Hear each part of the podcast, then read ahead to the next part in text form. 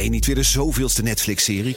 Kom naar de Monday Moves van BNR. Op maandag 18 maart zal op het podium Arend-Jan Boekenstein, Michal van der Toren, Geert-Jan Haan en Bernard Hammelburg.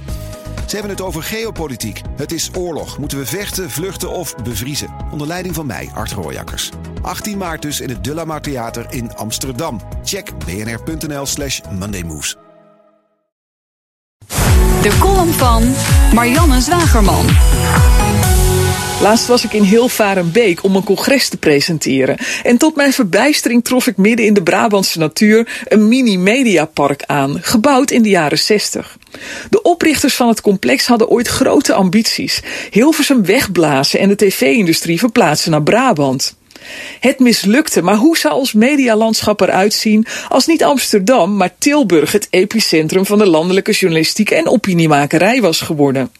Want op papier is Hilversum wel de mediastad, maar de kloof tussen de gewone Nederlander en de media, die de laatste weken zo heftig onderwerp van discussie is, wordt veroorzaakt door de grote focus op Amsterdam. Daar wonen veel mediamensen en worden steeds meer programma's gemaakt. Amsterdam is geen Nederland. Het wereldbeeld van Amsterdammers is anders. Dat is nu precies waar het allemaal misgaat, in het vervreemden van de kijker en luisteraar van de publieke omroep. Dus ligt de oplossing die NPO-baas Jula Zoekt in de regio. In de regio wonen de gewone mensen die haar omroepen niet meer weten te vinden en vertegenwoordigen. Gisteren kwam tijdens het debat in de Tweede Kamer over de mediabegroting de mislukte poging van staatssecretaris Sander Dekker om de 13 regionale omroepen te reorganiseren ter sprake. Wij, de belastingbetalers, investeren jaarlijks een miljard euro in de publieke nieuws- en informatievoorziening. Daarvan mogen de regionale omroepen 140 miljoen euro verdelen. Een flink deel gaat op aan, en ik citeer Sander Dekker, 13 dure directeuren, 13 PNO-afdelingen en 13 afdelingen financiën. Het mislukte reorganisatieplan had moeten leiden tot besparingen, maar ook tot meer samenwerking met de landelijke publieke omroep. Er werken 1300 mensen bij de regionale omroepen. Ze noemen zichzelf daarmee de meest uitgebreide binnenlandredactie van Nederland.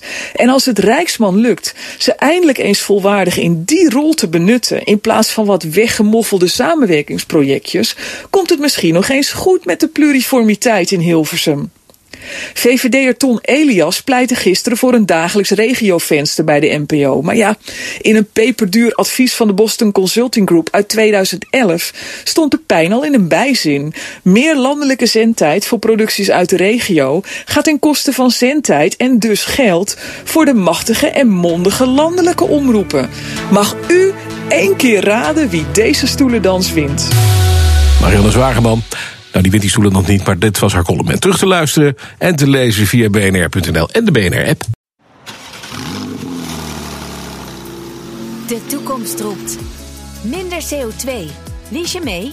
Dit is het moment om te kiezen voor de Tesla Model 3, Toyota Pro-Ace Electric of Volkswagen ID3. Uitstoot verminderen doe je samen met mobilityservice.nl.